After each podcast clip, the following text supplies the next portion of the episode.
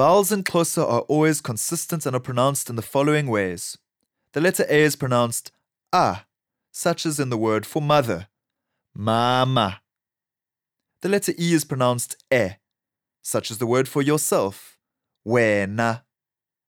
The letter I is pronounced I, like the word for well, philile.